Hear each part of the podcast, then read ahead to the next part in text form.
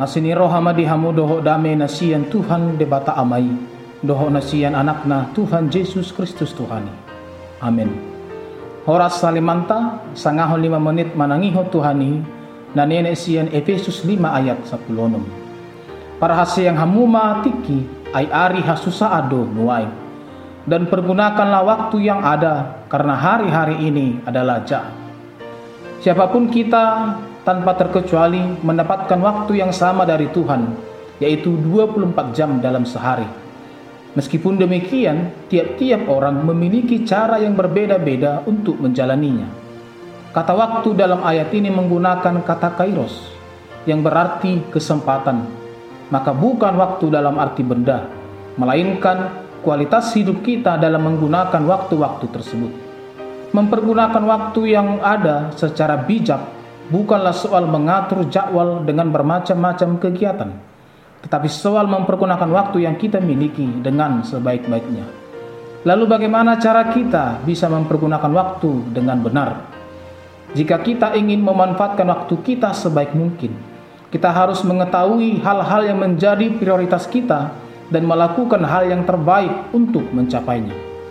Ayat 16 terjepit di antara dua ayat yang berbicara tentang Jadilah orang bijak dan usahakanlah supaya kamu mengerti kehendak Tuhan. Ya, jadi orang bijak dan mengerti kehendak Tuhan adalah kuncinya untuk mengisi hari-hari kehidupan ini dengan baik. Firman Tuhan dan hikmatnya akan mengajar kita untuk membedakan mana yang harus ataupun yang jangan kita lakukan. Firman dan hikmat Tuhan juga akan memperbaharui pikiran dan perbuatan kita. Di satu sisi, kita diminta untuk mengintrospeksi diri dengan seksama memperhatikan cara hidup kita. Namun introspeksi diri saja tidak cukup. Di sisi yang lain, kita dihimbau untuk mengerti apa itu kehendak Allah. Kehendak Allah mengarahkan bagaimana kita hidup. Dengan melakukan dua hal ini dengan seimbang, maka akan terjadi transformasi yang nyata di dalam kehidupan kita. Allah menunjukkan betapa seriusnya medan pertempuran kehidupan yang digambarkan dengan penekanan kalimat betapa jahatnya hari-hari ini. Menghadapi hari-hari yang semakin sukar dan jahat ini, dibutuhkan sebuah hati yang bijak dan mengerti kehendak Tuhan, supaya kita mampu menjalaninya dengan tidak keluar dari koridor Tuhan. Mazmur 90 ayat 12 mengatakan, Ajarlah kami menghitung hari-hari kami sedemikian, hingga kami beroleh hati yang bijaksana. Maka kesadaran kita akan mahalnya sebuah waktu kiranya menjadikan kita seorang yang bijaksana dalam mempergunakan waktu seturut dengan kehendak Tuhan. Hidup kita sangatlah singkat. Jangan biarkan waktu berlalu tanpa makna dengan menggunakan hal-hal yang sia-sia. Isilah untuk hal-hal yang berguna. Manfaatkan waktu dengan bijaksana. Jangan menunggu sampai hari esok yang belum tentu kita dapatkan kita tidak tahu berapa lama kita menjalani kehidupan kita. Jangan pernah berpikir, kan masih ada hari esok. Justru kita harus berpikir yang sebaliknya.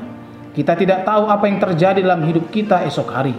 Kita bahkan tidak pernah tahu apakah kita akan melihat hari esok. Oleh karena itu, bijaksanalah mempergunakan setiap waktu yang ada dalam hidup kita. Selamat menjalani kehidupan ini dengan bijak seturut dengan kehendak Tuhan. Amin martangiang mahida. Masih maroham mali Tuhan.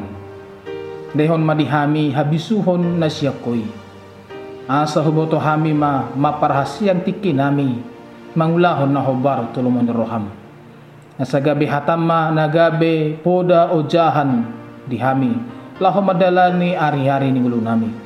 Asa digulmi ni ngulu namion. Ditiki na boy udalani hami boy mata mangulu nami di adupan. Atong sa tuho mangulu nami di ari sa darihon, asiroham, ramoti, dongani hami, mangulahon akalon nami, obar tolong roham. Asni rohani Tuhan Yesus Kristus, holong ni rohani di batahama, dohot parsauran itu di perbadia ma, nama dongani hamu saluhutna. Amin.